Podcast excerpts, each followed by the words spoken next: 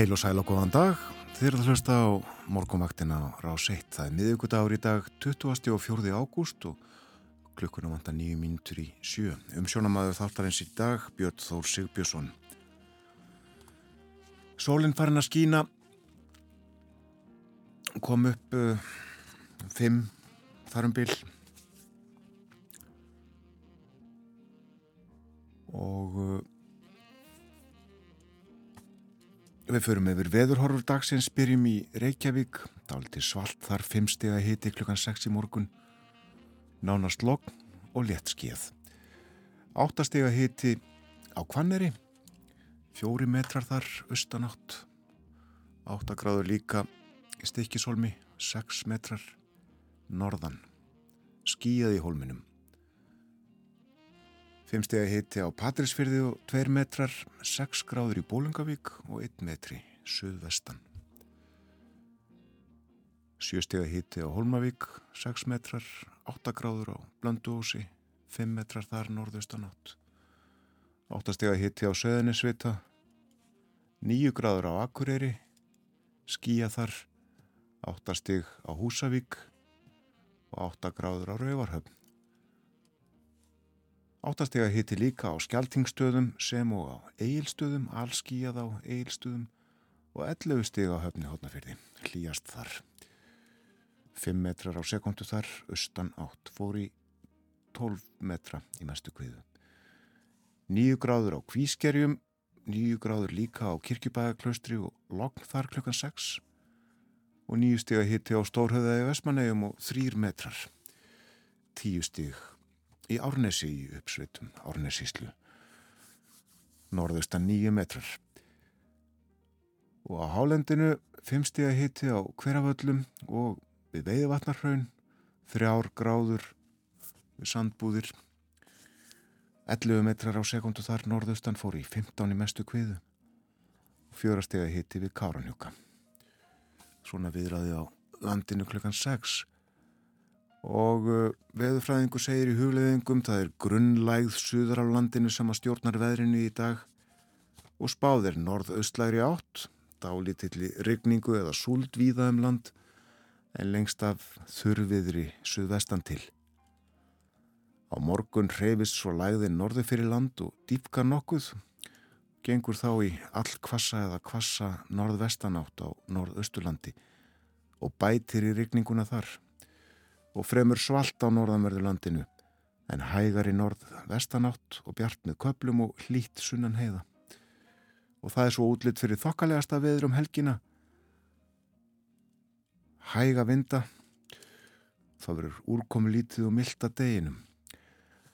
Einmitt það, en uh, eh, hitin í dag frá 8 stegum að 16, mildast siðst. Eina tilkynningu frá vegagerðinni ætla ég að lesa. Þannig er að í dag á að fræsa agrein á þjóðvegi 1 frá slöyfu við þrengslaveg í áttað skíðaskálanum í hverjatölum. Og uh, þessi kabli og uh, þar með leiðin yfir helliseiðina verður lokaður. Lokað sem sagt til östus hjáleiðum þrengsli og uh, Vegavinnuflokkurinn hóf þarna vinnu klukkan 6 og uh, þetta stendur í allan dag á alltaf þetta standi til 20 í kvöld og þeir sem að fara austu fyrir þurfa sem sé að fara um hjálið um þrengslina, þrengslin.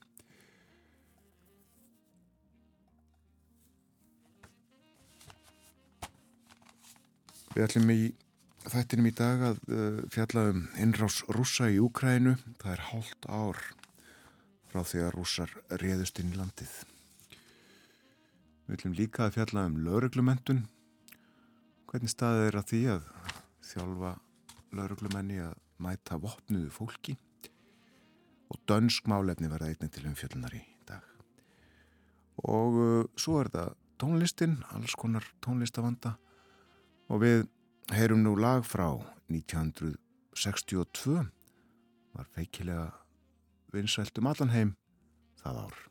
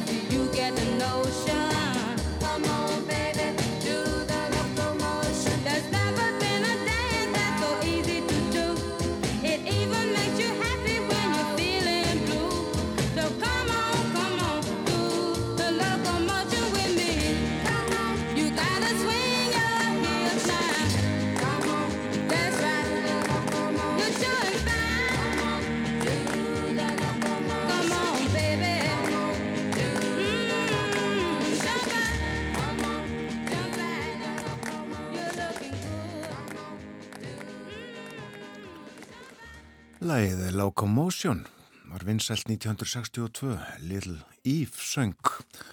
Hún hétt uh, Eve Boyd, fættist 1943, var 19 ára þegar hún söng þetta. Lest 2003. Germorgun hlustuðu við líka á lag sem var vinsælt 1962, Smashed Potato Time, sem Didi Sharp söng. Það stýttist í fréttinnar klukkunum vandar eina mínútu í sjö. Eftir fréttir förum við betur yfir það sem er á dagskrá morgunvaktarinnar í dag. Lítum í blöðin, bæði gömul og ný og uh, hlustum á tónlist en dokum eftir fréttunum.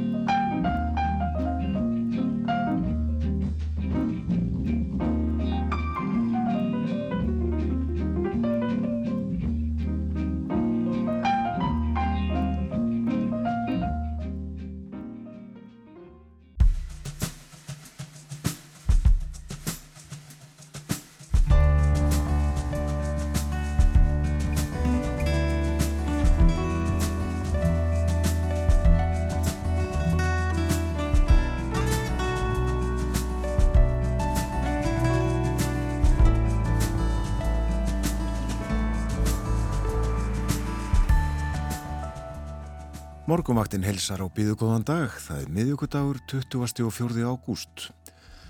Seks mánuður eru í dag síðan rússa hér réðist inn í Úkrænu, þúsundir hafa fall, fallið, hermenn og óbreyttir borgarar, miljónir flúið heimalandið og eðileggingin er mikil. Engin sérstök teknir á loftu um að þessu fari að ljúka.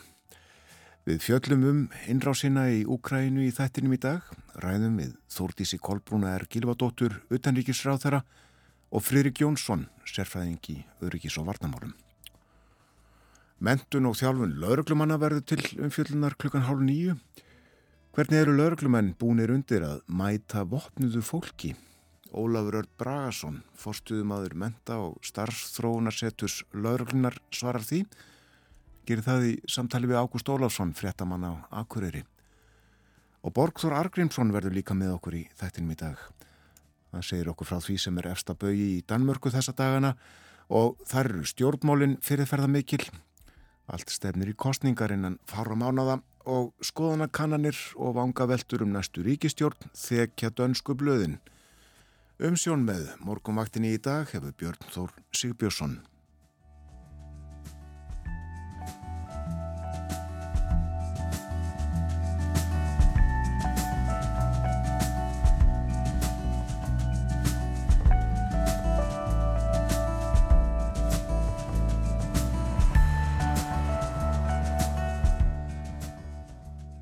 Fjöllum þá um veðrið, hittin á landinu fyrir uh, klukkustund var frá 5 gráðum þar sem svalast var upp í 11 stiga hitta, það var 5 stiga hitt í Reykjavík, 11 gráður á höfni Hortnafyrði. En spáin er svona, já hún er stutt, norðaustan 5-13 metrar, víða dáli til væta, lengst af þurft suðvestanlands og hitti í dag 8-16 stig, mildast siðst. Á morgun 50 dag gengur í norðvestanátt, 10-18 metra norðaustan til, bætir í úrkomu þar og það verður kvassast á annesjum. Norðvestan 5-13 og bjart með köplum síðra. Og verið um helgina, já þá verður fremur hæg norðlæg eða breytileg átt, bjart með köplum, líkur á stöku skúrum síðra. Hittin um helgina 6-14 stík svalast nýrst. Þá er það skeitinn frá vegagerðinni en uh, í dag verður fræst akren til austus á hellisheiði frá slöyfu við þrengslaveg í áttað skíðaskálanum í hverjadölum og heiðin verður loku til austus hjáleiðum þrengsli og það var áallega þegar þetta var skrifað að uh, framkvæmnar stæðu frá frá því klukkan 6 í morgun til 8 í kvöld. Og malbyggaði í dag á nýbilavegi í Kópói millir Olvabrekku og Valahjalla. Þetta verður setnipartin fram á kvöld. Og uh, líka malbyggað á Arnanesvegi í kvöld. Til vesturs frá Rjúpnavegi að ringtorki við Fífukvamsveg Nú við lítum þá á útsýður dagbladana fallið mynd á fórsýðu morgunbladsins tekin aftan af fólk sem að tilti sér á bekk í gær og virti fyrir sér sólarlægið það var fallegt í gær eins og síðustu daga. Saman inn í sólarlægið segir hér. Já kvöldsólinn hefur skinið skert yfir sundin undanfarinn kvöld. Marginu geta nota sólalags á gunguðum Reykjavík og nákværinni segir hér og einnig fjallaði verið eins og það var í gær. Það var gott á höfuborgarsvæðinu og svo er hér líka spáinn fyrir daginn í dag. Og svo er það salan á Mílu. Símin átti og á enn Mílu. Ætlaði að selja til Ardian franska fjárfestingasjóðsins. Fjalliðum um þetta mál í þættinum í gær. Samningur um viðskiptin gerður í oktober í fyrra en svo skast samkeppnis eftirlitið í leikin eins og lög gerir ráð fyrir. Og uh, botna á að fást í þetta um miðan september. Sala Símans á Mílu mun taka minnst 11 mánuði segi hér í fyrirsögn. En það er ekki frá deginum í dag að talja heldur frá sensagt oktober þegar samningurinn var gerður en um, vonast til þess að uh, niðurstaða fáist í þetta allt saman sensat í september. Það er næsti mánuður. En það er fjallaðum þetta ítalega í viðskiptamokkanum í dag. Nú uh, svo er hér fjallaðum plast en samningavirðaður um nýjan alþjóðlegan samning um plast og plastmengun hefjast í lokás og Íslandi meðal 20 stoppríkja að bandalagi gegn plastmengun rætti Guðlu Þór Þórðarsson umhverfisrað þeirra sem að uh, segir já Ísland mun taka þátt í viðröðunum og starfi bandalagsins og mun eftir sem áður vinna því að bæta vöktun á örplasti og plastmengun og draga úr plastmengun heima fyrir. Og vakenir aðtökli á því og fórsýðu morgunblæðsins að rættir við Kristrúnu Frostadóttur í dagmálum, hún vil verða formaður samfélkingarinnar hefur setið á þingi fyrir flokkin frá síðustu kostningum. Hún segir að fjármagna þurfi heilbriðiskerðin mun betur en gert hefur verið. Þetta sé eitt af þeim málum sem ekki þóli byð ásamt húsnæðismálum og kjaramálum. Svo er það fréttablaðið sem að segja frá því á fórsýðu að Íslensk stjórnvöld og Háskóli Íslands buðu ekki fyrirverandi auðvitaðnikisráð þeirra Jóni Baldunni Hannibalsinni við skipulagningu hátíðasamkomu sem að framfyrir vikunni með öllum fórsetum Eistrasaltsríkjana um sjálfstæði þjóðana þryggja og það er fyrfirandi samflóksmaður Jóns Baldvin sem að segja þetta það er Sigvartur Björgvinsson og rætt við hann hér. En þannig er að Háskóli Íslands og fórsetaðinbættið búða til fundar í Háskóla Bíói á förstu daginn til að fagna þremur áratugum af stjórnmóla sambandi eftir að Ísland varð fyrst ríkja til að viðkenna á ný sjálfstæði Íslands, Lettlands og Litáins eins og segir í tilkynningu. Og uh, Jóni Baldvinni sannsagt ekki bóðið en uh, Sigvartur mun hafa uppkvita það á mánudag að uh, þannig var í potin búið. Og uh, Sigvartur sannsagt gerði aðtöðasamt hjá fórseta ennbættinu og eftir það þá fekk Jón Baldvin sagt fjórum dögum fyrir viðburðin og uh, það er rætt við Jón Baldvin hér og hann segir ég skil ekki af hverju menn eru svo lítil sigildir og hann bendir að á Háskólu Íslands hafi sett hann í starfsbann árið 2015 svift hann kennslu Ég virðist vera í starfs- og framkomu banni, segir utanreikirsáþurann fyrirverandi. En á mynd á fórstíðu frettablasins má sjá fórsett hann Guðuna T.H. Jóhannesson í flugvél og undir stýri en uh, hann og Katrin Jakobsdóttir fósættisráþura voru fyrstu tveir farþegarnir, já hann er kannski ekki undir stýri, voru fyrstu tveir farþegarnir í fyrsta farþegarfluginu á Ravmagsflugil, það var flógin stutt leiðið við Vesturbæri Reykjavíkur og Altonessið og þetta er sem sagt nývjel með nýri tækni og það er uh, félagið Ramagsflug sem að stóða þessum viðburði. Var flóið frá Reykjavíkur flugulli í kjær og uh, fórsetinni Bísna Svalur með uh, Ray-Ban Aviator Solgleru og uh, það er fjallað um uh, þetta á uh, stjórnarásins það er félagið Ramagsflug sem að flutti fyrstu Ramagsflugvilina til landsins með það að markmiði að taka frumkvæði í orgu skiptum í flugi þjálfa starfsfólk í þessari nýju takni og kynna hana fyrir landsmönnum. Þetta er vél sem er framleiti í Slóveníu. Þá eru Mattias Svembjörnsson og Fririk Pálsson sem að stopnuðu þetta félag Rámags flug í lók síðast árs. En þeir hafa unnið að því síðastliðin þrjú ára að fá Rámags flugvel til landsins. Bakkjarlar eru fyrirtæki og einstaklingar sem að velja, vilja leggja sitt að mörgum í að flýta orgu skiptum í flugi aðeins að efnahagsmálum en uh, í dag uh, verður byrt yfirlýsing peningastefninemdar um vexti. Það verður gert hálf nýju og í framaldi verður reyti peningamál byrt á vef Sælabankans og klukkan hálf tíu hefst fundur með Sælabankastjóra og uh, vara Sælabankastjóra og aðal hagfræðingi Sælabankans Þau gera eh, grein fyrir yfirlýsingu peningastefnendar og, og kynna efni peningamála. En uh, það er búist við að uh, vextinni verði hækkaðir í dag. Kemur allt saman í ljósu uh, hálf nýju eins og áður sæði. Segjum þetta gott af blöðum og spjalli í bili og hlustum á lag. Hér er Skafti Ólafsson.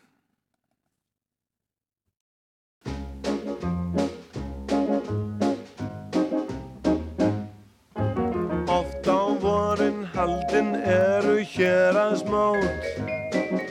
Í hópum þangað sækja bæði sveit og snót. Og allir skemmta sér á einhvern veg Ó, nema ég. Þar eiga allir kærustur sem kyssa þá. Og klappa þeim í lautum svona til og frá og brosinn frá þeim fá þeir unaðsleg. Ó, nema ég mér alltaf illa gekk og aldrei neitt ég fekk sem öðrum veittist það er alveg satt. Á grasi yðardans og oft í meia fans ég endi langur snögt um þúfu datt en hér að smótin hættar reynist hverjum þeim sem hrýfst af megar kinn og bláum augum tveim. Þeir ánetjast á einn og annan veg. Hæ nema ég er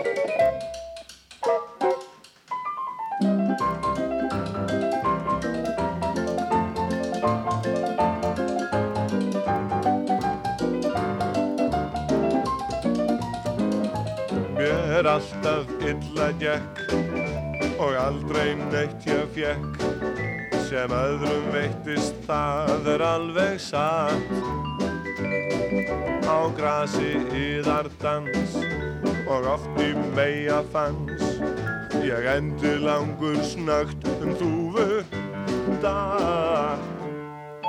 En hér að smótin hættar reynist hverjum þeim sem hrýfst að megar kinn og bláum augum tveim. Þeir ánetjast á einn og annan veg Hæ, nema ég. Hæ, nema ég.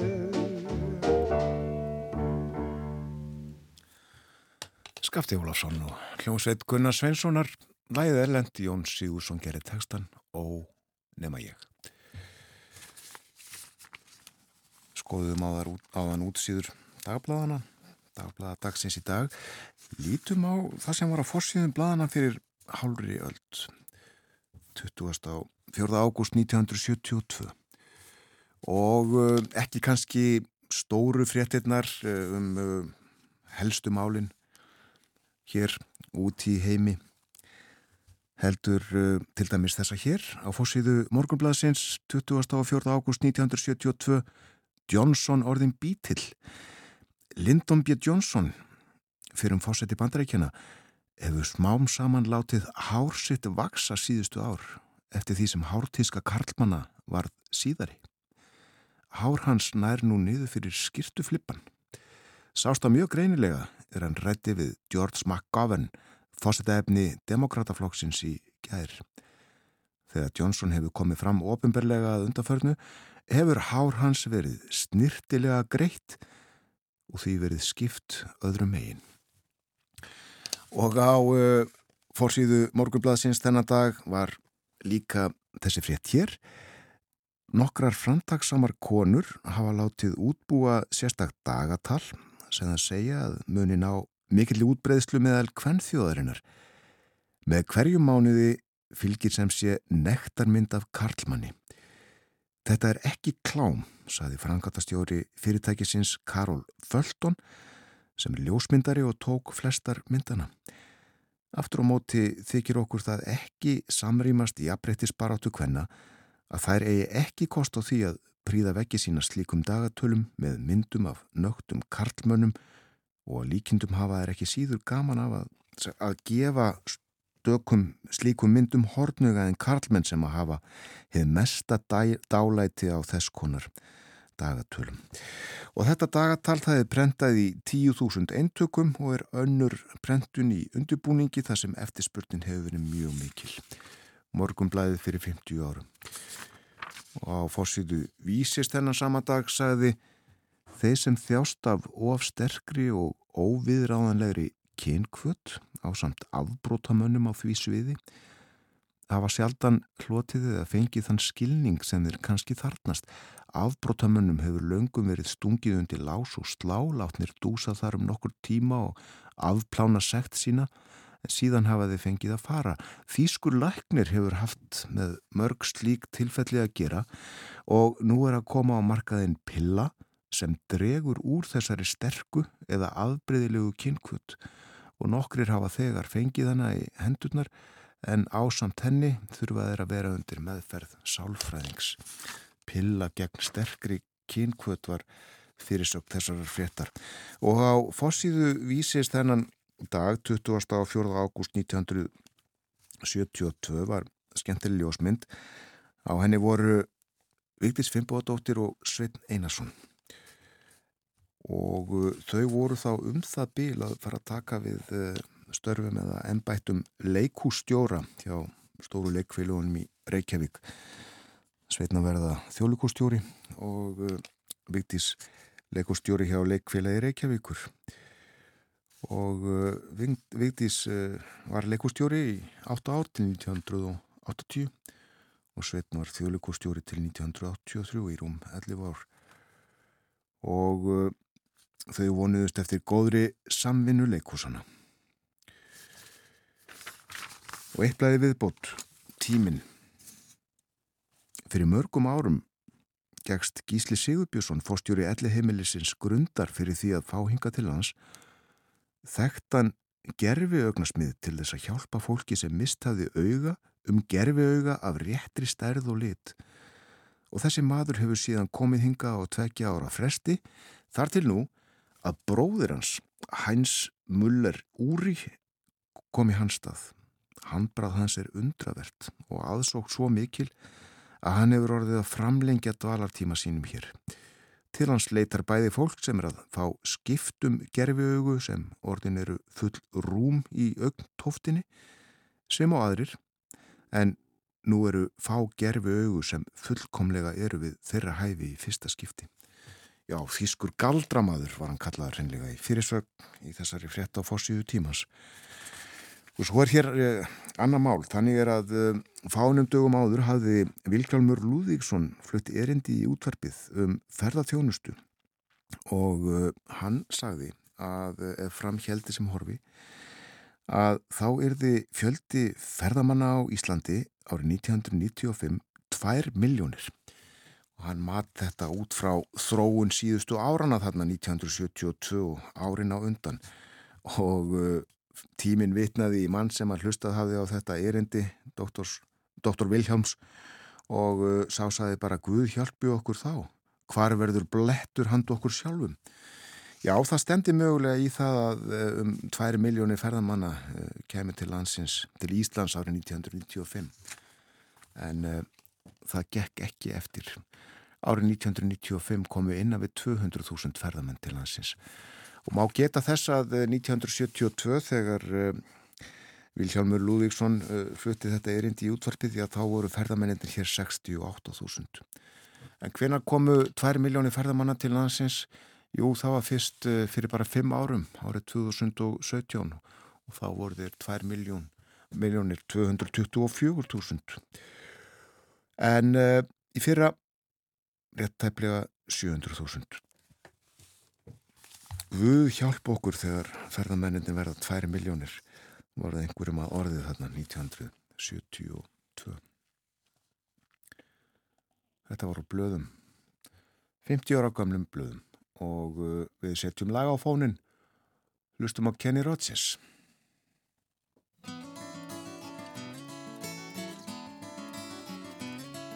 On a warm summer's evening On a train bound for nowhere I met up with a gambler. We were both too tired to sleep. So we took turns staring out the window at the darkness till boredom overtook us. And he began to speak. He said, Son, I made my life out of reading people's faces and knowing what the cards were by the way they held their eyes. So if you don't mind me saying, I can see you're out of aces for a taste of your whiskey. I'll give you some advice. So I handed him my bottle and he drank down my last swallow. Then he bummed a cigarette and asked me for a light. And the night got deathly quiet. And his face lost all expression. Said, if you're gonna play the game, boy, you gotta learn to play it right. You got to know when to hold them, know when to fold them, know when to walk away, know when to run. You never count your money. When you're sitting at the table, there'll be time enough for counting when the dealing's done. Now every gambler knows the secret to surviving is knowing what to throw away, knowing what to keep. Cause every hand's a winner and every hand's a loser. And the best you can hope for is to die in your sleep. So when he'd finished speaking, he turned back toward the window, crushed out his cigarette faded off to sleep.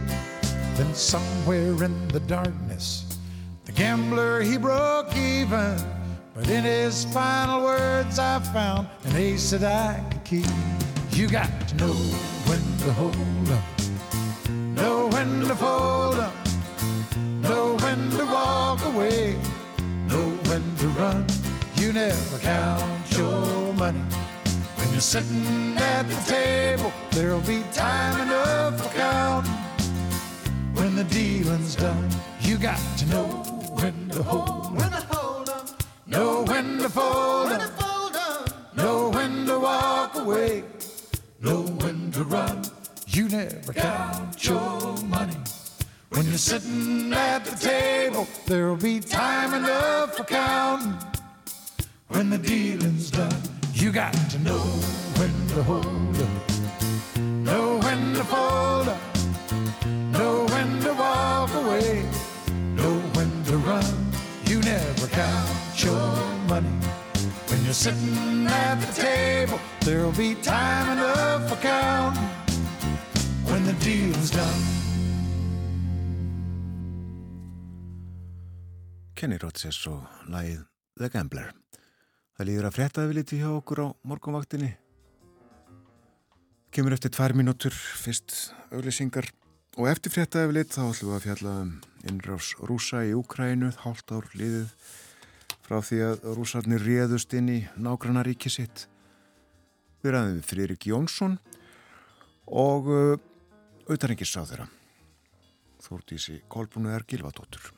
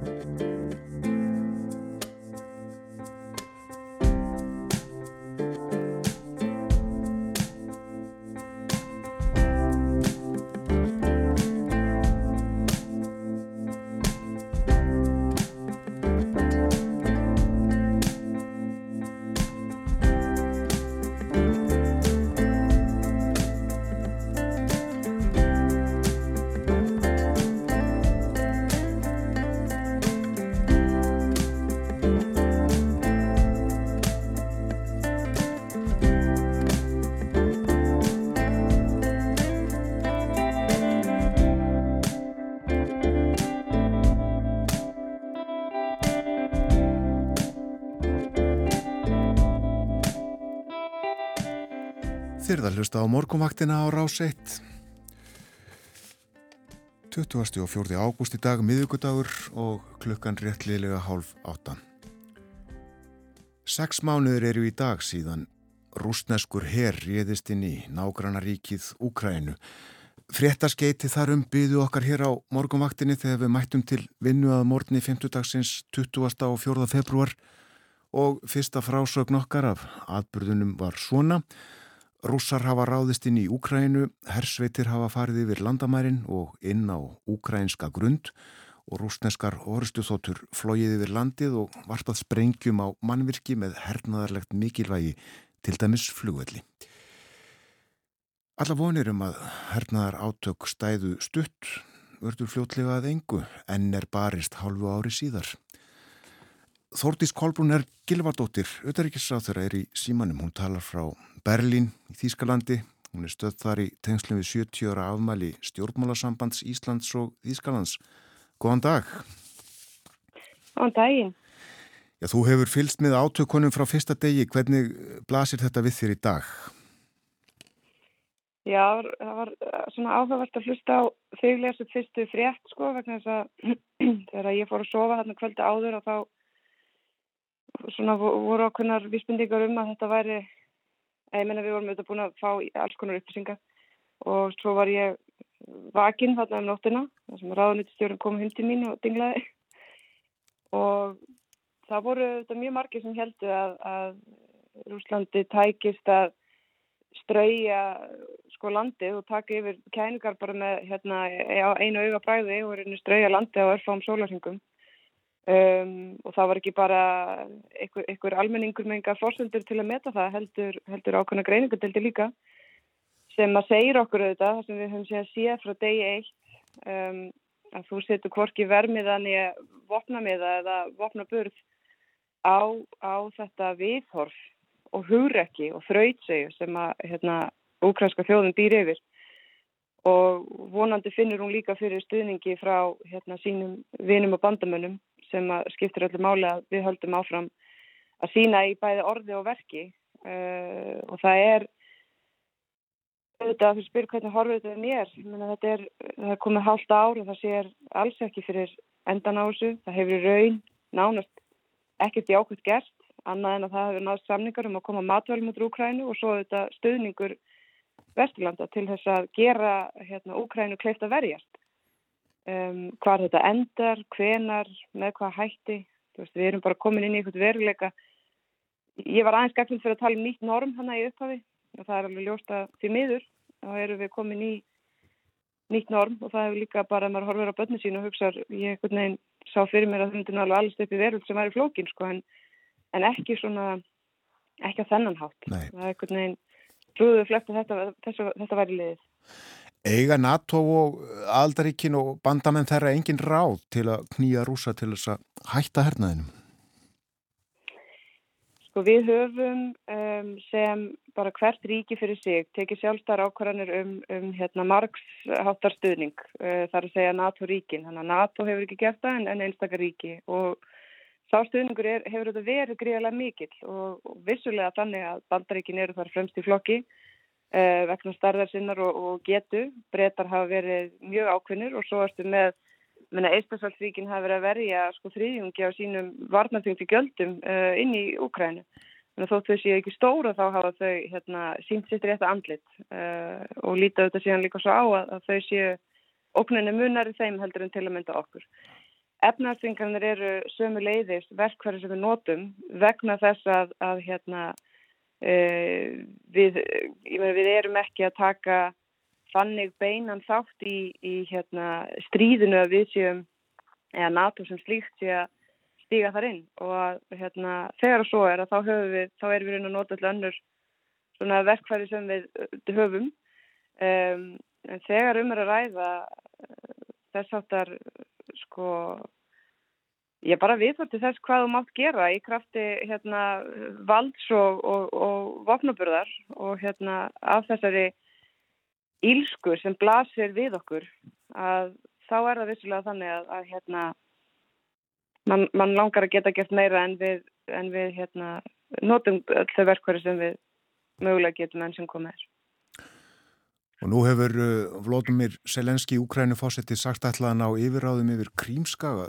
Þau áform verða varla til að flýta fyrir stríðslokun. Nei, þetta náttúrulega er þykulega flókin mynd og það er svona ákveðin tímapunktur hérna 24. februar þar sem, að, hérna, það er auðvitað rætt um það að það hefur verið Rúsar hefur verið að ráðast þar inn í annarsinn, ekki fyrsta sinn, þótt að sé allt öðrum skala heldur en 2014 og þá þá hérna, er það vissulega uh, hluti af Úkræni líka en alls ekki Rúslandi og það er rétt og segir, það er, um, gerir sko viðræður eða hvernig sem þetta endar floknari en mér þykir ekki ósangjant eða óæðilegt af, af hérna fórseta fullvalda sjálfstæðsríkis að gera tilkall til þess land sem að hérna auglustlega og klárlega uh, er þeirra. Uh, og kannski sérstaklega þegar að það er engin vilji hinnum meginn frá til þess að, að hérna, komast að einhverju manneskilöri niðurstuð á einhverjum tímpunkti heldur er einfallega gengið lengra og lengra í, í hérna, allra handa brotum á alþjóðalögum, alþjóðasamningum, uh, mannréttindum og, og því bara hvernig við komum fram við fólk, sko, við mannfólk. Þannig að hérna, það flækir jú stöðun en, en ég hef fullan skilning á, á orðum Selenski í því að gera tilkallt til það sem að er ukrainsku þjóðurinnar en ekki hérna, rúsnesku stjórnvalda. Þið annarleina Berbók, Utreikisráð þegar Þískaland funduð í Berlin í gær og rættuð meðal annars um stríðið. Hvað fór ykkur á milli? Já, við áttum uh, mjög góðan fund í gær og höfum auðvitað all oft hist þó við, þótt við höfum verið álíka lengi ennbætti vegna alls sem hefur verið í gangi og, og hérna og ég næ hérna frekar vel við henni Lenu, hún er, hún er hérna, hún er svona gott fólk um, eins og ég segi stundum og gott að tala við hana og hún er henni, hún auðvitað hefur stíðið mjög fast í jarðar uh, í þessum málum og, og, og, hérna, og svona alveg sérstaklega hérna í, inn í Þýskalandi. Þannig að við rættum, það fór tölvöru tími, tölvöru hlut af okkur tíma í að ræða Ukrænu og mikilvægi þess að við sínum áfram uh, hreinan og klárum stuðning, að við gerum það sem gera þarf, eins lengi og þarf. Og við séum vakandi fyrir því að, að hérna Uh, rúsnesk stjórnvöld muni nota veika punta til þess að koma síðan á misvísandi upplýsingum og reyna svona hvort en það er uh, orkuverði eða, eða hérna aðri þættir sem að fólk finnur fyrir og, og, og hérna muni nota það uh, í sínu í því stríði sem er annars aðlis en, en er líka þetta svona hybrid warfare. Og hérna og það er okkar að, að bæði berjast gegn því og halda samstöðu bæða á milli sko, þjóðleituga og, hérna, stjórnvalda en, en líka gera við getum til þess að almenningu sé sko, áfram með í því verkefni að það er Úkræna sem er úkrænska þjóðin sem er að færa þessar fórnir. Og, og það að, að sína þess stuðningi verki það kostar peninga, bæði, bæði peninga, beina peninga í stuðningi. Eh, en það mun, það mun líka hafa áhrif á hérna, okkar líf svona dag frá degi. Og það er eh, vermiði, sko það er spurning hvort það sé að setja út vermið á raunverulegt frelsi. Og hérna þetta er ekki einangra tilvæg þarna. Og það er í mínum huga okkur ber algjörlega hrein og klár siðfyrsli skilda og hérna og það snýst um að gera það sem er rétt. Og við vorum algjörlega sammála um það. Og svo höfum við líka bæ, báðar verið að tala fyrir því að, að, að NATO eigi ekki að gleyma og eigi að tala meira um þau gildi sem að NATO snýst um. NATO snýst ekki um tækjabúnað og, og, hérna, og skriðdrega heldur snýst um að standa vörðum ákveðin gildi. Og það er því gildi sem verður að berjast e, fyrir í Úkræn og það er það sem við erum að, að hérna, segja oftar og, og hátta snjált og við hann að leina raunum að, að hérna, veit okkur fyrir því. Þakkaði kellaði fyrir þetta. Takk sem ég leiðis. Þórtís Korbrún er Gilvardóttir Utarrikiðsáþra talaði síma frá Berlin. En hér er Fridrik Jónsson sem að lengi starfaði í utanrikist þjónustunni. Hann var meðal annars fulltrú í Íslands í Hermálanemnd Allarslandsbandalagsins NATO og var við störfi í Afganistanum skeið. Fridrik kom á morgunvaktina 20. á 4. februar morgunin þarna eftir að innrásinn hófst. Hafist fáinum klukkustundum áður og hann fór þá yfir það sem að þá var vitað og spáði í framhaldið. Góðan dag. Eh, hefur þessi hernaðarallur verið svona í samræmi við það sem að þú bjóst við? Nei, ekki, ekki getið sagt það. Ég held að við höfum flestur búist við því að, að rúsum myndi sækjast þetta stríð eh, betur úr hendi heldur en, heldur en raunvarn og uh, það er kannski svona þessi tvö atrið sem komu mest á orð uh, það var annars vegar uh, segla og hugur ekki í ukrainsku þjóðarinnar og þeirra, þeirra viðnámsdróttur og svo nummer tvö hvernig í raun og veru rúsneski herin reyndist vera miklu meiri uh, já papistígur heldur um að bjóst við og skipurlag hernalega aðferðafræði og svo framvegis hvernig hérna það já, svona, eitthvað meginn allt, mjög margt rann út í sandin en svo voru aðri þettir sem komu ekki ávart uh, því miður, uh, sérstaklega eftir því sem að þetta stríð hefur dreifist á langin uh, það eru það eru framkoma á hátterni grimd og, og, og væðarleysi uh, sem hefur einn kent uh, því miður uh, rúsneska herin í gegnum aldinnar Aðeins að þessu, hvers vegna er það svo að umheimurinn, ef við getum orðað að þannig, eh, hefur áðmetið hernaðastir Grúslands? Já, það er í sjálfu sér ekkert skrítið. Við erum með, uh, veist, það, eru, það eru taldar græjur þegar að verða, þegar að hérna, uh, þegar að leini þjónustur eru að fylgjast með. Við náttúrulega fylgjast með hvað er verið að verja uh, að fjármagnir til varnarmála.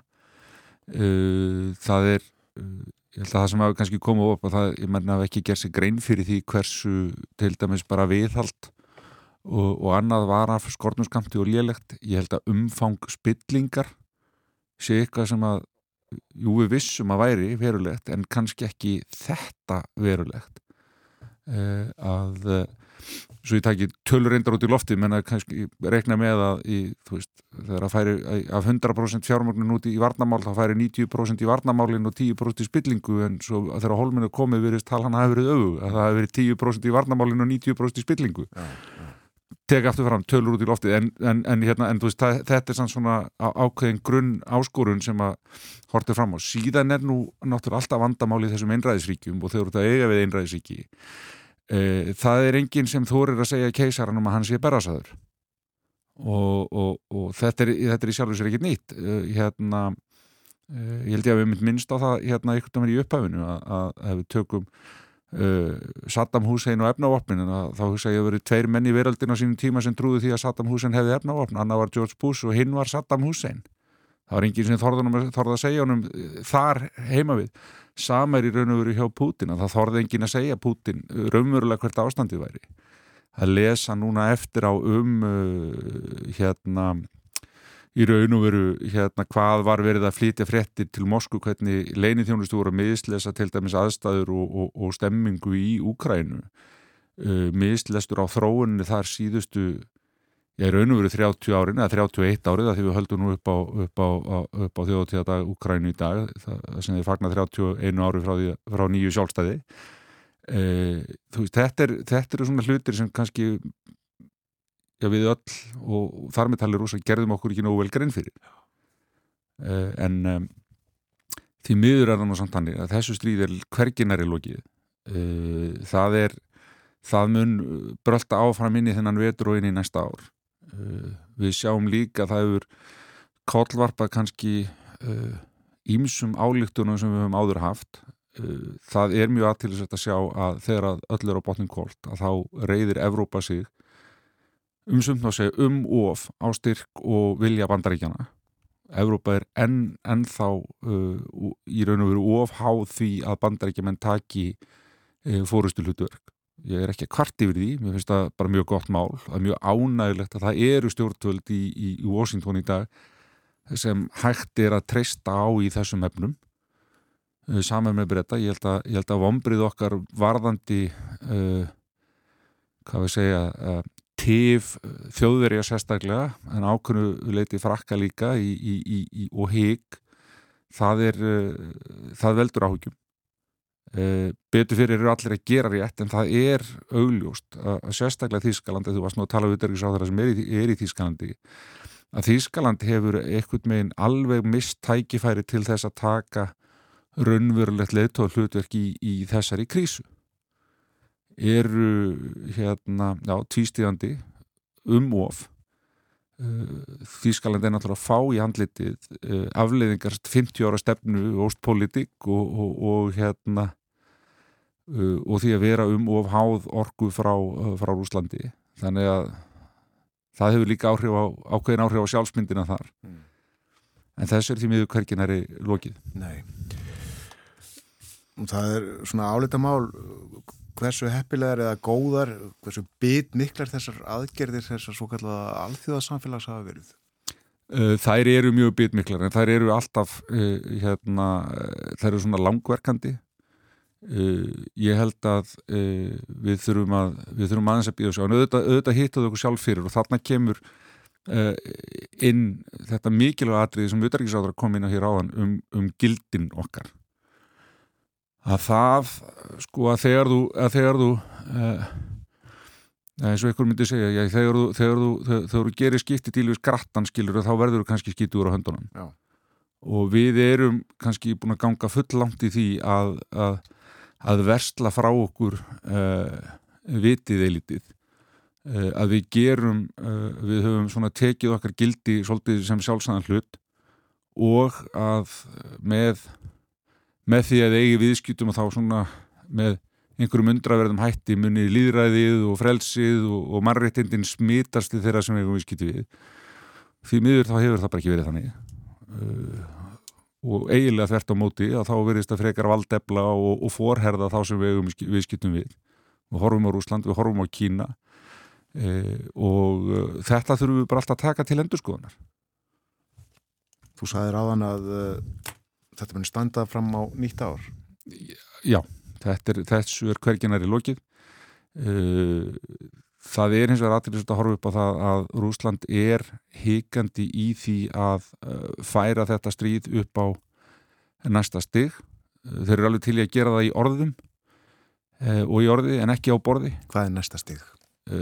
Rúsland hefur ekki verið tilbúið til þess að fara í allsýrar útkall til þess að ebla herinn þeir byggja ennþá uh, megin hersinn á hérna uh, á því að kalla til uh, liðsmenn úr fátakari héruðum Rúslands uh, það er ennþá lagt tölvöld kapp á það að borgirnar uh, millistjettin uh, og hérna verði fyrir sem minnstum áhrifum af þessu stríði. Þess vegna er það er það raunverulega uh, sko eðlilegt debat að ræða til dæmis ferðabanna á henni almenna rúsa. Ég man líka eftir því uh, við lögðum nú flestu all áherslu að það hér í uppað þessa stríðis að þetta veri stríð Pútins en ekki stríð Rúslands eða rúsnesku þjóðurinnar. Það er, uh, það er líka eitthvað sem við getum ekki leitt hjá okkur lengur. Stuðningur hins almenna rúsa við þetta stríð eða minnstakosti kæruleysi eða hérna ja, andvarareysi gagvarti og hvað áhrif það er að hafa uh, því verður að fylgja einhver ábyrg líka. Þannig að það er mjög eðlilegt að við skoðum hluti uh, eins og það að taka upp, uh, taka upp ferðabann. Því það á ekki að, á ekki að íta slíkum hlutum á borðinu án, án alvöru umræðu. Nei. Úkrænumenn hafa varist til þessa en uh, ef skiljum á Selenski fósita þá ætla þeir að sækja. Uh, þeir ætla að ná yfir ráðum á Krímskaga Já, er það ekki bara eðlilegt að þeir tali um það? Hvort að það tekst þeirra á holminni komið, það, er, það verður bara komið ljós. En þarna skiptir það náttúrulega áfram stuðningur Vesturlanda miklu máli, varðandi búnað og varðandi fjármagn. Ég hugsa eftir því sem þetta stríðir ekst á langin, að þá í rauninu veru verði það svona okkur neginn óumflýjanlegt að klára þetta alveg þannig að rúsum verði ítt út úr Úkrænu allstaðar uh, og sjálfur sem engin ástæði til annars. Uh, uh, ég held líka stegumögnunin í stuðningi Vesturlanda kunni að fara að verða enn meira það er það sem hún hefur verið núna undan vikum og mánuðum. Hefur verið að færa Úkrænumönnum meiri betri vopn, meiri nákamni betri stuðning hvað varðar greiningagetu og upplýsingaöflun ég sé að það eru áhugjör því hvort að Vesturlund hafi þólumæði seglutug og þór til þess að halda þetta út veturina því að sturtunar verða kaldar hjá einhverjum mögulega. Uh, ég það er fínt að við séum með ákveðin sjálfsefa það heldur líka upp í aga hjá okkur. Uh, ég, ég tel og með þau pólitísku skilabóð sem við verðum að gefa á hverju meinasta degi frá öllum Vesturlöndum, frá bandaríkjum og ríkarendar eins og við sjáum frá Tískalandi og, og Fraklandi jáfnveg þó maður gaggrinu þau fyrir að vera um of tvístíðandi að þá eru þau samt einur í því að segja að þetta geti ekki þetta geti ekki verið svona, það sé ekki að þetta veljanar Úsland fyrir, fyrir þessa árás. Þannig ég held nú að, að, að niðurstaðan verði svo að við hörkum þetta á okkur og, og, og, og stöndum upp í hárun á, á Úslandi og þeim verði á endanum ítt þarna út með einum með öðrum hætti. Já En það eru uh, alla líkur á að, að þessu ljúki og hún er sem fyrst á, á výgvellinum en, en ekki við eitthvað samningabórð. Það er eiginlega ekki takt að tala við Pútin um einhverja löst. Já, og á endarum endar þetta á einhverju samningaborði einhver staðar.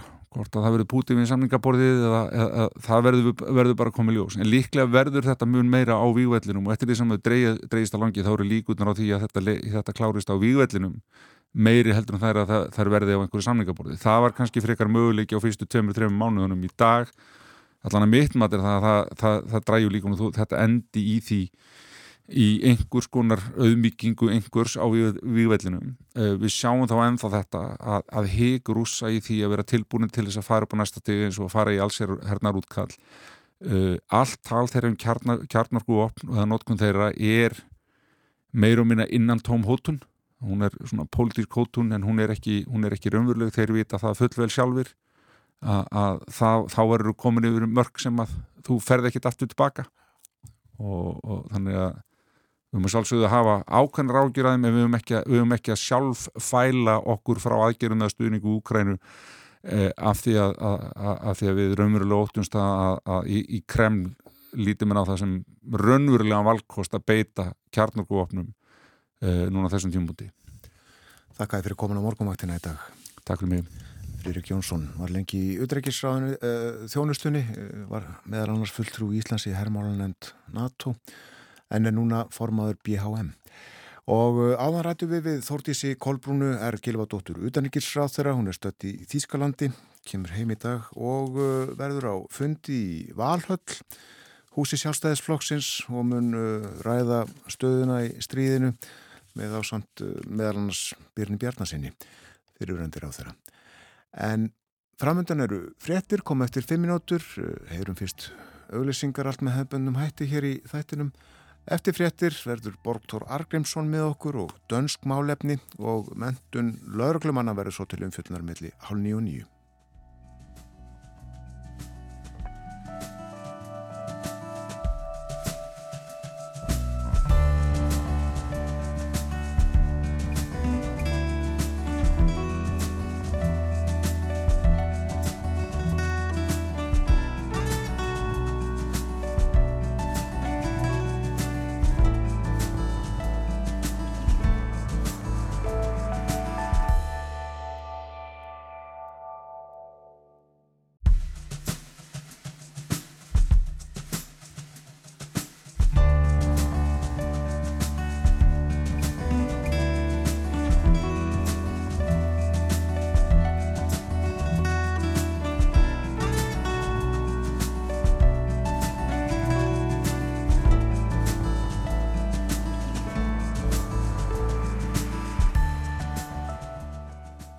Aftur, þetta er morgunvaktin á Rás 1, miðugudagur í dag, 20. og 4. ágúst, klukkan farin að ganga nýju, 6 minútur gengin í nýju.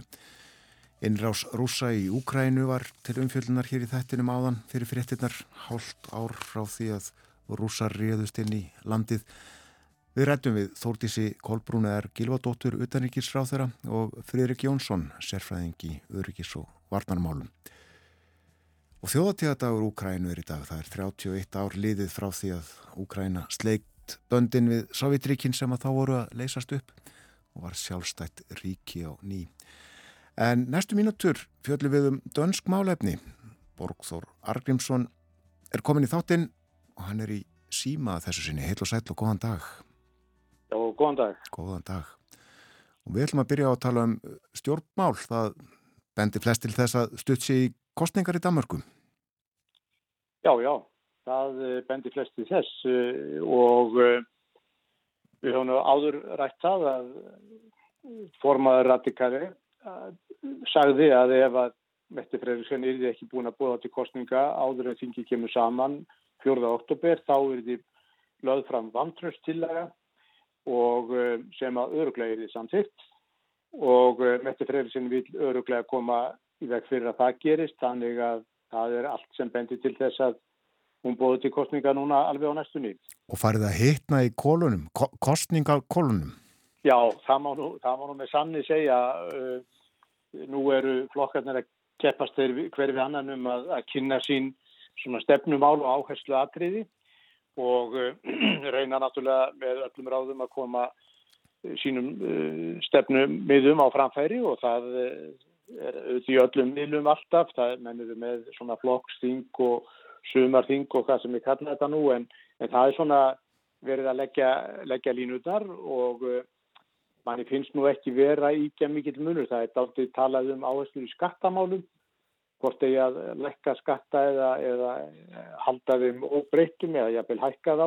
Mette Freyrísson segir að það sé ekki hægt að halda og sleppa, þú getur ekki bæði bæði hérna haldið öllu kerfinu gangandi og ætla að lekka skattana en svo eru aðri flokkar úr bláu blokkinni, svona hægri vagnum eins og hann kallar, þeir, þeir eru nú á því að reyna að lekka skattana og uh, þetta er svona þetta er svona áherslu aðrið og þetta er svona eiginlega helsta deilumáli sínist mér núna. Já, þegar við rættum saman síðast fyrir tveimur vikum þá uh, töluðum við um glænýja skoðanakonun sem að þá hafi komið fram fánum uh, dögum fyrr um fylgiflokkana og uh, þá var uh, fylgi þeirrar bláu og rauðu svo að segja nýfjamt. Er svo staða óbreytt? Já, ég held að ég hef ekki séð neina konun, það getur vel verið að það hefur verið gerðið konun, ég hef ekki séð það. Uh, en uh, samkvæmt þessu þá er fylgið uh, sko nýfjamt á milli bláu blokkarnar og þeirra rauðu. Og fyrir þeim fara Mette Freiriksen sem er fórsættisráð þeirra. Já. Og hver nú aftur leittói bláu blokkarinnar? Já það, já, það er nú það sko. Það er nefnilega það að það eru tveir svona leittóar bláu blokkarina. Það er Sören Abbe Pólsen sem er leittói í halsflokksins og Jakob Ellemann Jensen sem er leittói í venstri. Og yfirleitt eða oftast nær hefur það verið þannig að menn hafa uh, fyllt sér um einn sem svona fórsættis á þeirra efni en núna er það ekki þannig. Núna vilja þeir nefnilega báðir verða fórsættis á þeirra Sören Pappi og Jakob Ellemann. Já.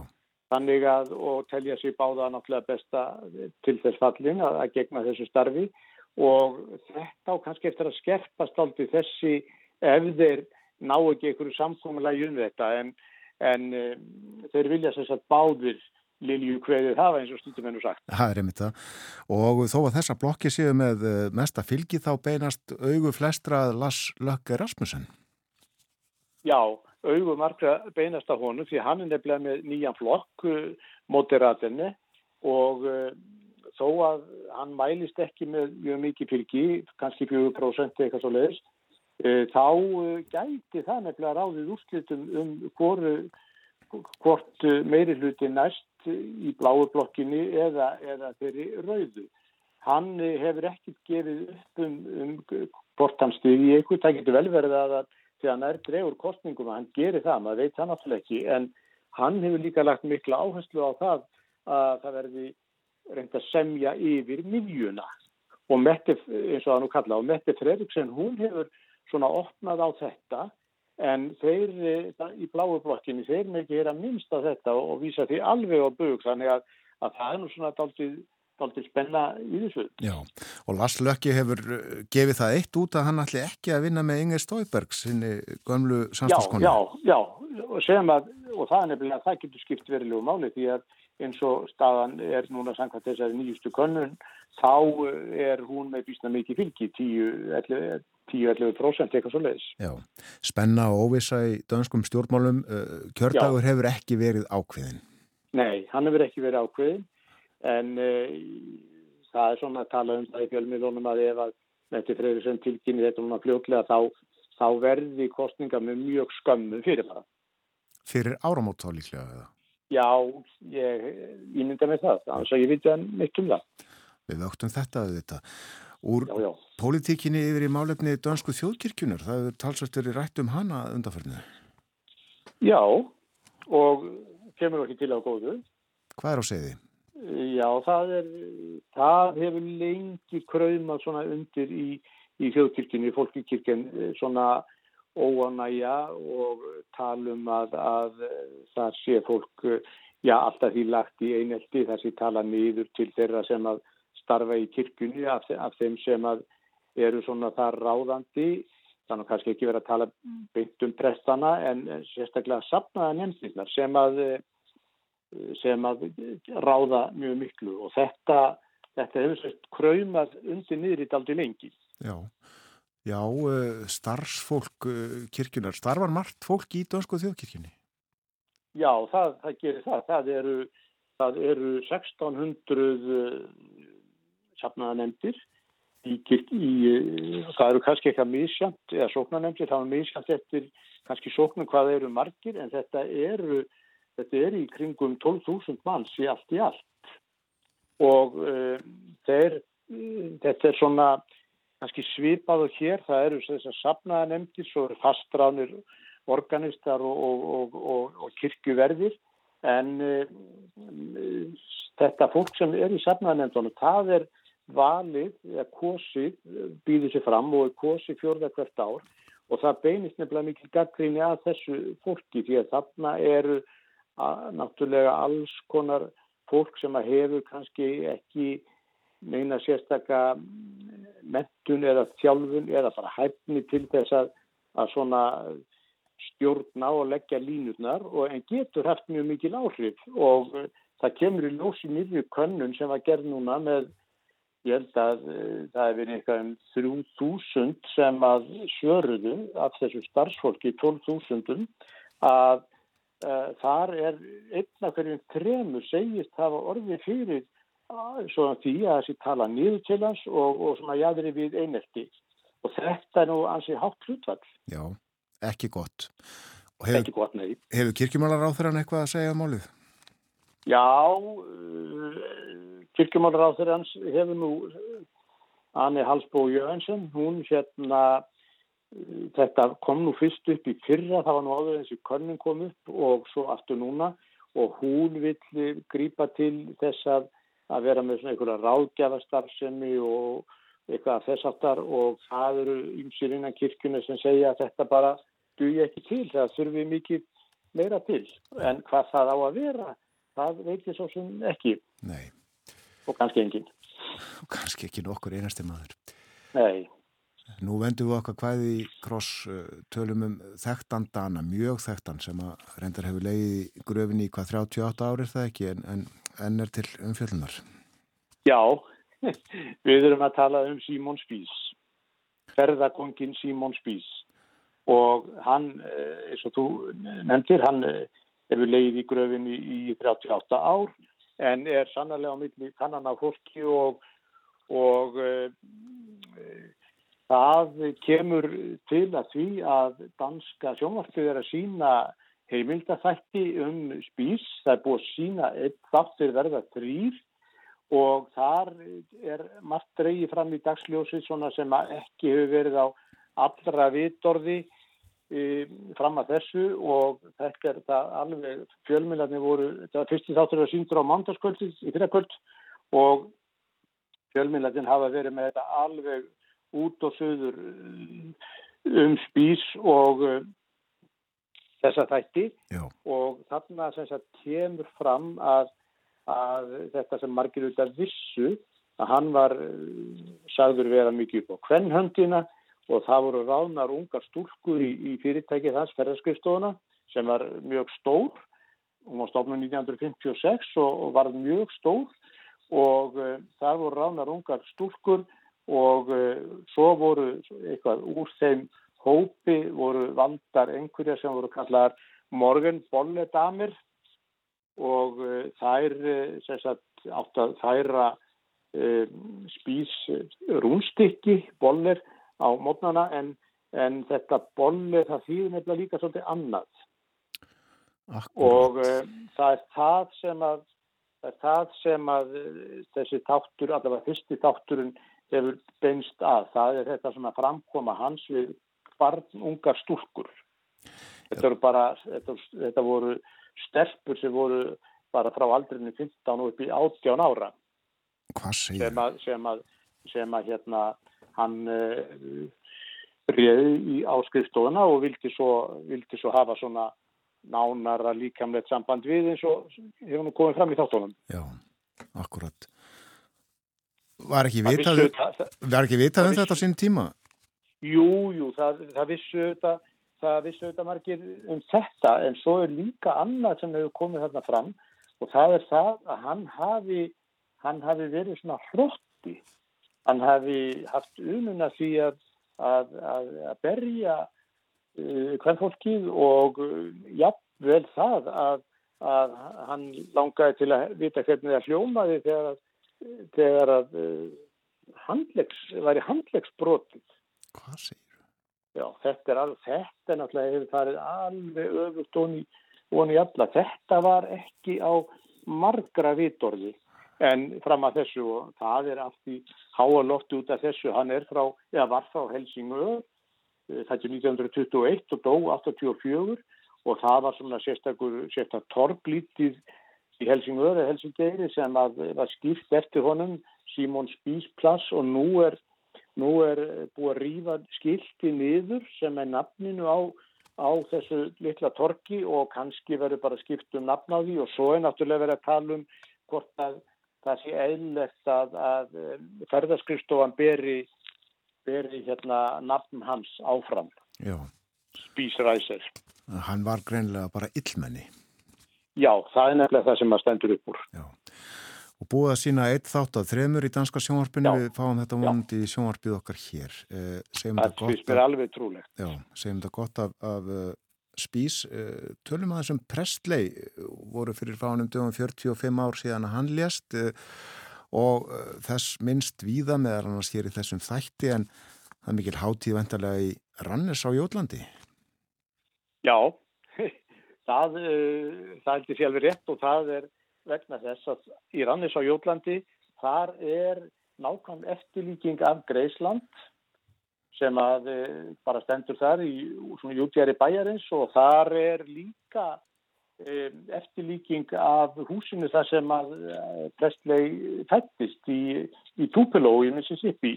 Og þarna er sem sagt sap, Presley sap, það er svona dellu kall sem að sem að hérna e, sapnaði geysi miklu munum um Presley. Og svo byggða þetta hús og er þarna með stort sapnið þessu 6.000 síningagripir, allt svona Presley tengt. Og svo er líka þarna veitingastæður sem það getur fengið allar þessa heilsu rétti sem að var annars svo hrifin af uh, og, uh, og svo er þarna líka svo er þarna líka svona samkómusalir uppið sem hann leigir út og það eru haldnar eftir hermu Presley söng, keppnir og svona. Og svo er hann núna nýbúin að opna í öðru húsi á sömu sapn um Johnny Cass. Það er með það. En hvað fær danska mann í Rannes á Jótlandi til að ráðast í að byggja eftirlíkingu af Greisland og einnig ösku heimili Elvis? Já, ég, ég held að sé náttúrulega bara svona einlægur áhug og þetta er náttúrulega svona dellu kallin sem maður segir og, og, og, og hefur, bara, hefur bara lagt allt sitt í þetta og hann fer reglulega til Ameríku á uppbót þar sem hefur verið að selja einhverja erfismunni Hefur þú komið þarna? og, og það er alltaf að bætast við sko safnið. Já, já. Já, hefur þú komið þarna, Borður? Já, ég hef eins og komið þetta, það er mjög gaman og, og auðvitað aldrei svona sérkennilegt í Ranners. Ég trúi því. Við ætlum að hlusta á tónlist ekki á Elvis. Já, það er uh, Johnny the Blues, það er með Johnny Madsen. Hann uh, er nú þekktur í bransanum, hann er líka málari og uh, er búin að vera lengi að og var mikið í 13 hér fyrir nokkrum árum því þá vildi einn þingflokkur á danska þinginu kaupa málverk eftir hann en en listanemnd þingsins hún samþýtti ekki þetta, hann er nú ekki, hann er sjálfmentaður málari en þá kefti bara flokkurinn, þetta var frjálsræðisbandalagið, þau keftu þá bara myndirnar og hengtaður upp í, í, í salnum og, og þær eru þar ennþá og Já. þetta er sem sagt Johnny Madsen. Hlustum á hann. Þakkaði kellaði fyrir í dag, Borgþór Argrímsson. Já, takk sem leiðis. Danskumálinn til umfjöldunar á morgunvaktinni annarkvæmt miðugudag og uh, hér er Johnny Madsen og Johnny the Blues.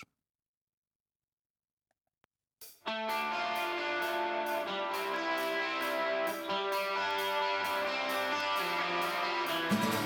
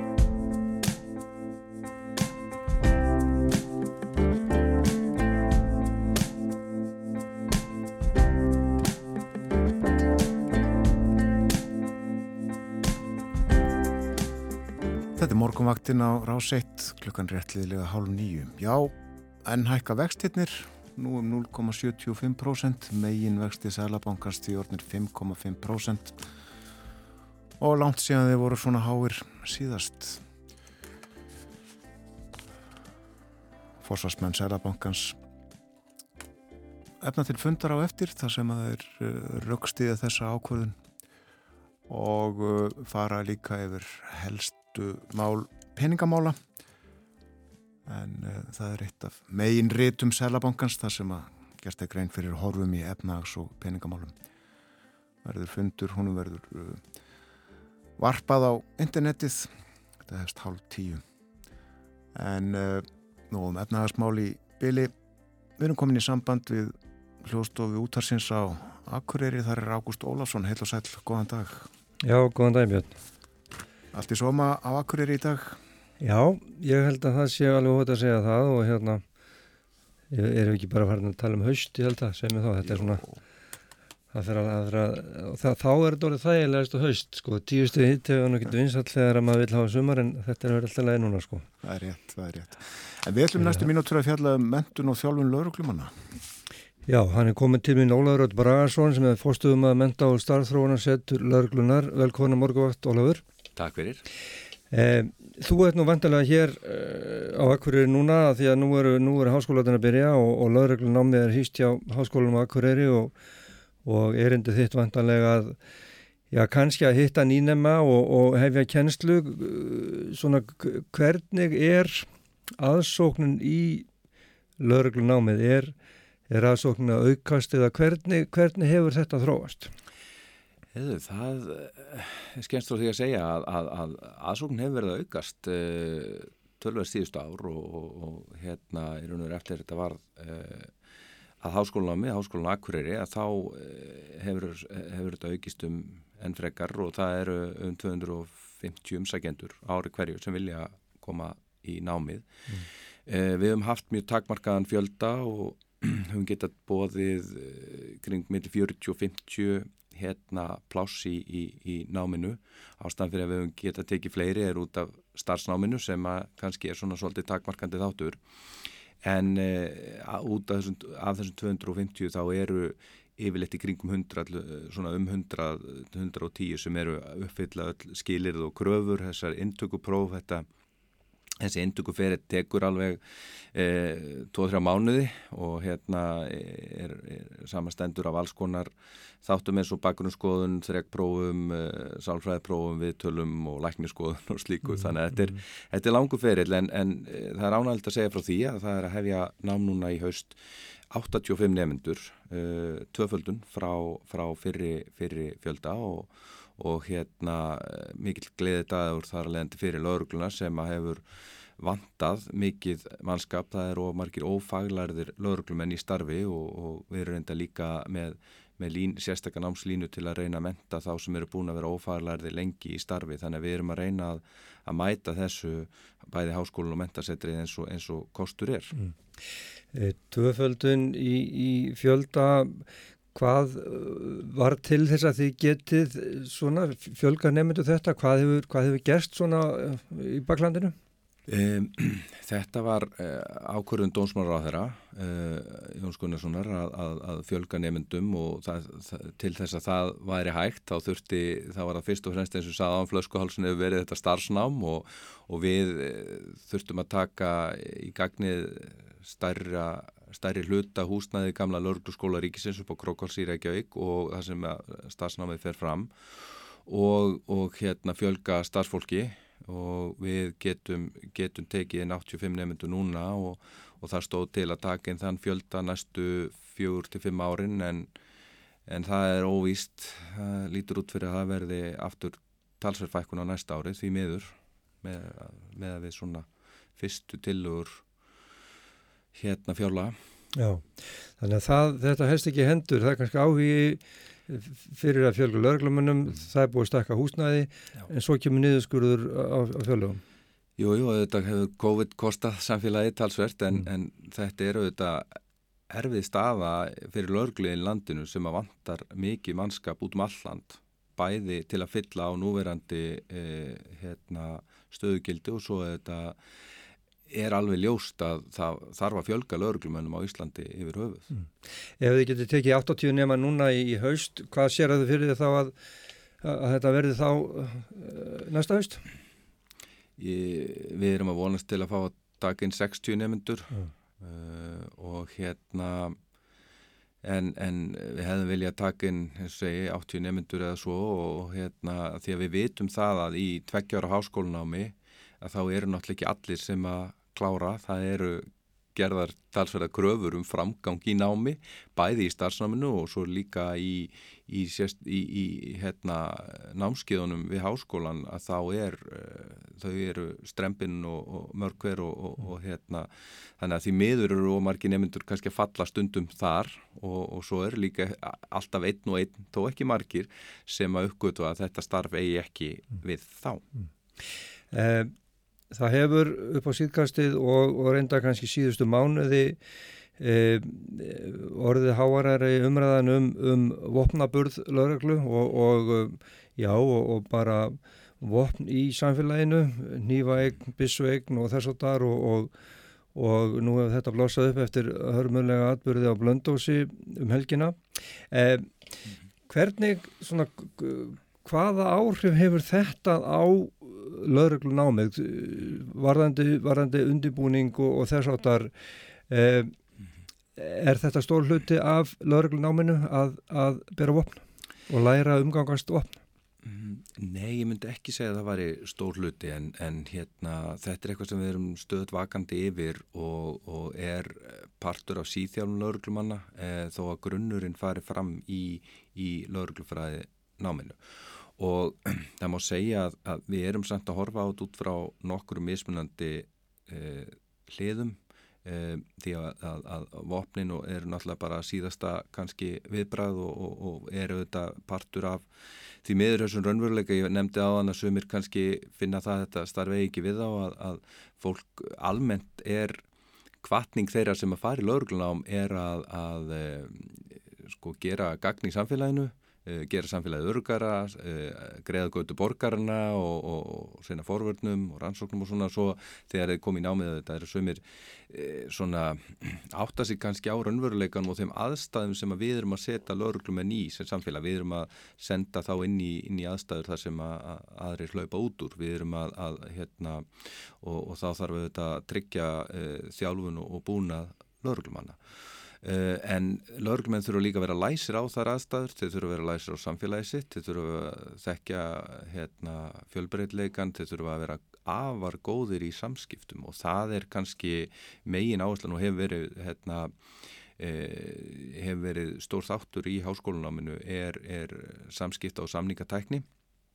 Uh, og svo er líka uh, að þekkja sjálfan sig og geta eh, haft áhrif á um, streytustíð um, til að því að við vitum það að ef að, ef að við, sérstaklega þú nefnir hérna, svona aðstæður sem að getur gra, grafist valdbendingar saman hvað sem eðlist þær eru að, að þá eðlega fer blóðþrýstingurinn upp, þetta er álag og mjög mikilvægt að lauruglumenn e, nái að, að, hérna, draga úr álæginu vera á réttu spennustígi mm. e, til þess að geta tekið réttar ákvarðanir því að ef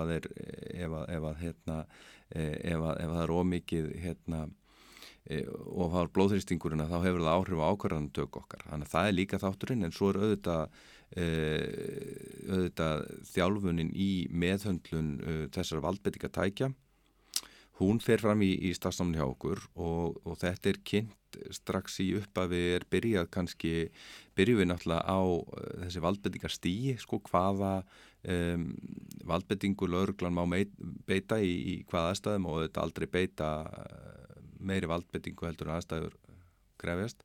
Og, og þessi ákvarðan taka, svo er, er byrjað á, á hérna, meis og eða sérst gasi og, og kilvu e, síðan er hérna e, síðan er byrjað að kynna þau fyrir skotofnum og við erum með sérstakann þjálfunahermi sem að hérna e, hjálpar bæði við að setja þau í aðstæður og, og það er upptaka á þeim samlega því og þau geta þá, þá á stórum skjá þá verður það eins og inn í aðstæðunum eins og svona nánast í síndaveruleika og þau þurfa að taka ákvarðanir um hvaða, þú veist, hva, hvaða úrræðum þau að beita hverju sinni og svo er þetta að stoppa þetta og, og skoða aftur og, og svona og, hérna og sí, þannig að, að, að síðan er, er, er og það er líka hægt að beita skotóknum í þeim, þeim hermi þannig að þeir, við getum getum látið nefnendur hafa þessi valdbendingatæki öll sumul og síðan er, er þjálfari með þeim til þess að, að kenna og þetta er svona gagvirk þjálfun.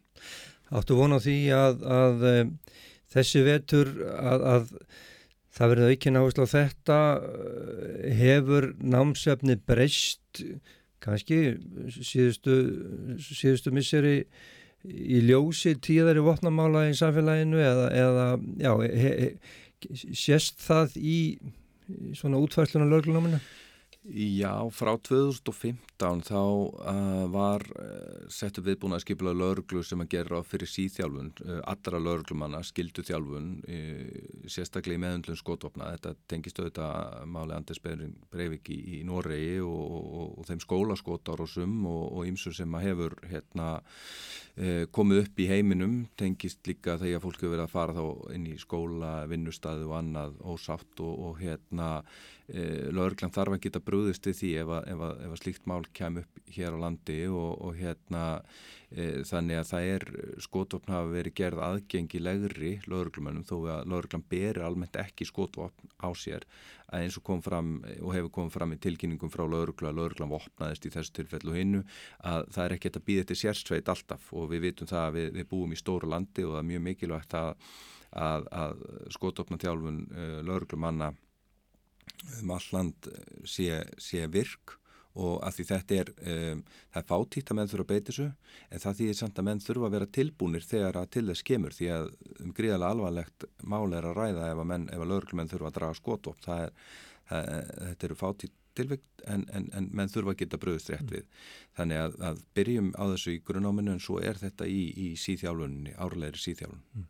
Er regluleg endurmentun lögurlumanna alltaf í gangi eða, eða er hún kannski orðin meira aðkallandi út af þessum breyttu aðstæðum? Já, við erum með uh, mjög öfluga hérna, sí og sér mentun og hún er, fer bæði fram hjá ment- og starfstofnsettur lögurglunar ein, einni hjá lögurgluembættum. Þannig að lögurgluembættin eru búin að þjálfa uh, sína þjálfara og, og eða mentasetrið og sérstinn hefur síðan að þjálfa þjálfarna að segja og, og embættin halda úti öflugum æfingum uh, viðsvegar og, og síðan eru síðþjálfun sem að mentasetrið sér fyrir uh, bæði þjálfarna og síðan alla lauruglumenn á hverju ári. Og það er orðið meira aðkallandi, það er réttjáður og þar höfum við verið að taka inn ímis uh, ímis uh, mál sem tengjast bæði þá uh, hérna, það er bæði skot þjálfun en það er líka annars konar uh, atriði til dæmis hérna uh, verið með fræðslu um til dæmis æsings óráðsheilkenni sem er hérna, excited delirium sem er ástand sem fólk getur uh, farið í og er bara læknisfræðilt ástand og, og er að kalla til sjúkaralið og svona þannig að við erum svona með ímislegt sem tengist valdbetting og ýmsum aðstæðum sem geta komið upp í valdbettingatilfellum sko. Mm, já.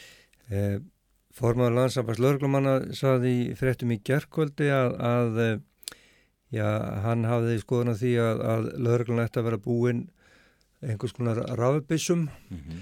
almennt. Hver er þín skoðun á því?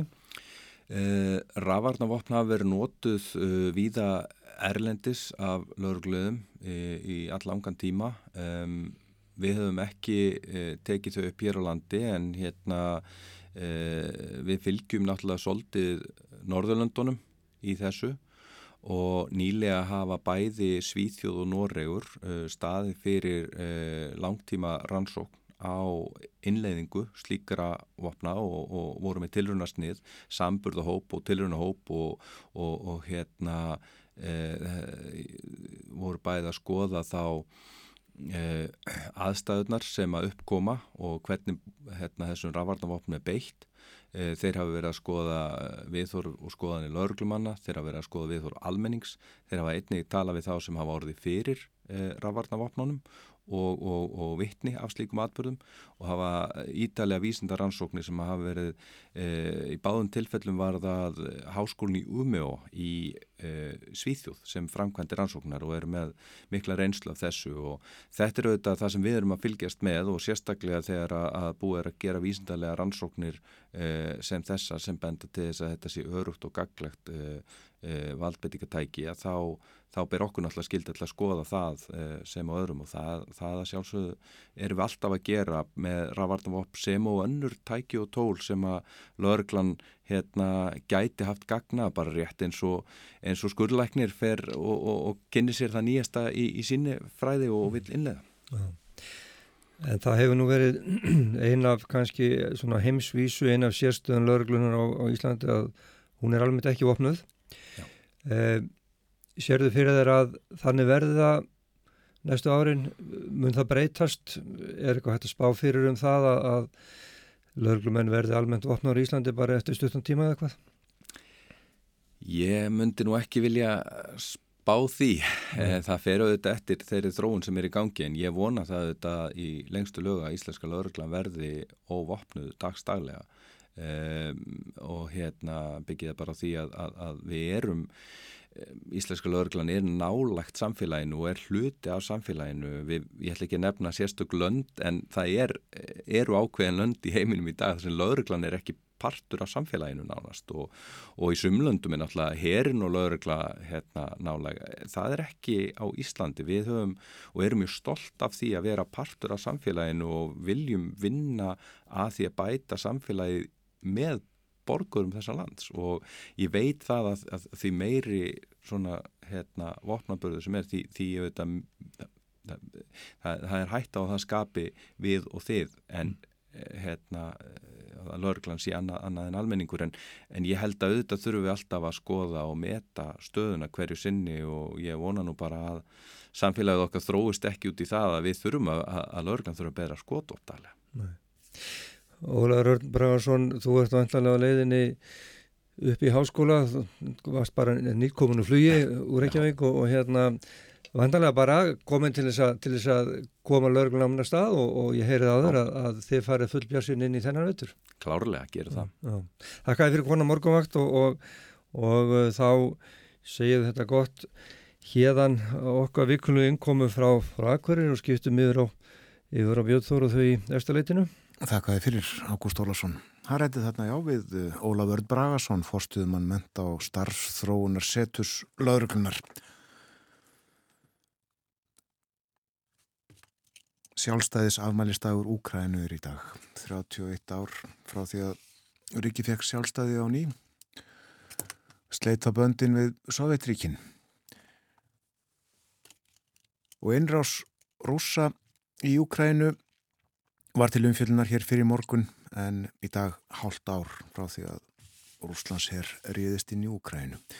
Og við ætlum hér að hlusta nú á lag, það syngur uh, söngvari, ég held að hann sé í rockljómsveit úkrænskri, hann gekk í herin við upphaf innrásarinnar til að verja land sitt og þjóð og söng þetta inn þar sem hann stóð á stræti úti og við upptökunni tók suður afrískur tónlistamæður sem að kalla sig Kifnis og bætti við undirleik útkoman, hún var svona. Ой, у лузі червона калина похилилася, чогось наша славна Україна зажурилася,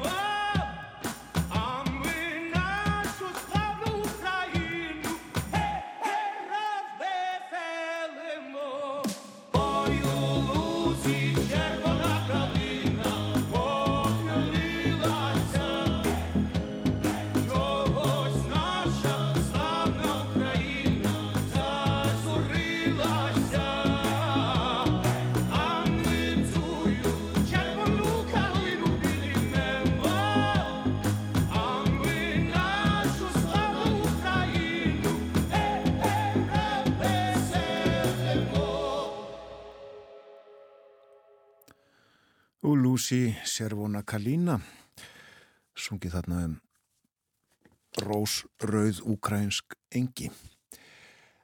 En eins og kom fram hér fyrr hjá okkur þá hafa vextinni verið hækkaðir megin vextir Sælabankans upp í 5,5% um 0,75%. Og samkvæmt uppfærðri þjóðhagsbá Sælabankan sem byrtir í peningamálum sem kom út í dag þá eru horfur á tæplega 6% hagvexti í ár, það er meiri hagvöxtur heldur en spáð var í mæ og það stafar engum af þrótt meiri enganeyslu og hraðari bata í ferðarþjónustu, svo vittnas ég í frétt frá Sælabankanum. En verðbólgu horfur hafa áfram versnað. Verðbólga jógst í júli, mæltist þá 9,9% og það er gert ráð fyrir að verðbólga ná í hámarki undir lokárs í tæplega 11%. Og verri verðbólgu horfur endur speikla kröftugri umsvifi þjóðarbúskapnum en gert var ráð fyrir í mæ og þrálátari hækkanir á húsnæðismarkaði auk meiri alþjóðlegrar verðbólgu. Og peningastefn nefnd telur líklegt að herða þurfi taumhald peningastefnar en frekar til að tryggja að verðbólga hjaðni í markmið innan ásættanlegs tíma. og peningastefnan mun á næstunni ráðast af þróun efnahags umsöfa verbolgu og verbolgu væntingum. Svo segir ákvarðanir í atvinnulífi, á vinnumarkaði og í ríkis fjármálum munu skipta miklu um hversu hátt vextir þurfa að fara. Og uh, þetta er orðsending, þessum orðum mæntalega beitt til uh, fólksins sem, sem er um kaup og kjör á vinnumarkaði. Það er viðræður allar að fara að hefjast. Já, líka til stjórnmálamannina sem að eru að uh, leggja drögað fjárlögum næsta árs.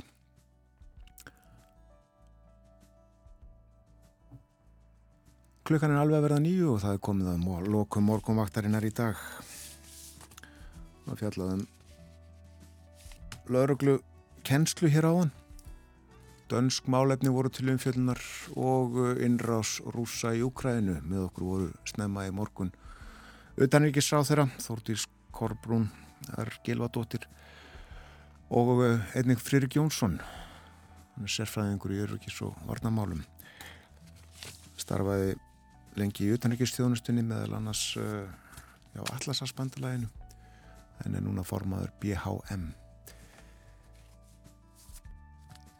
Við höfum verið hér frá því fyrir sjö í morgun og verðum aftur í fyrramáli bjóðum góðan dag þegar klukkna vantar tíu mínutur í sjö um sjónamaður morgunvaktarinn er í dag Björn Þór Sigbjörnsson Við þakka samfélgina, verði sæl og njóti dagsins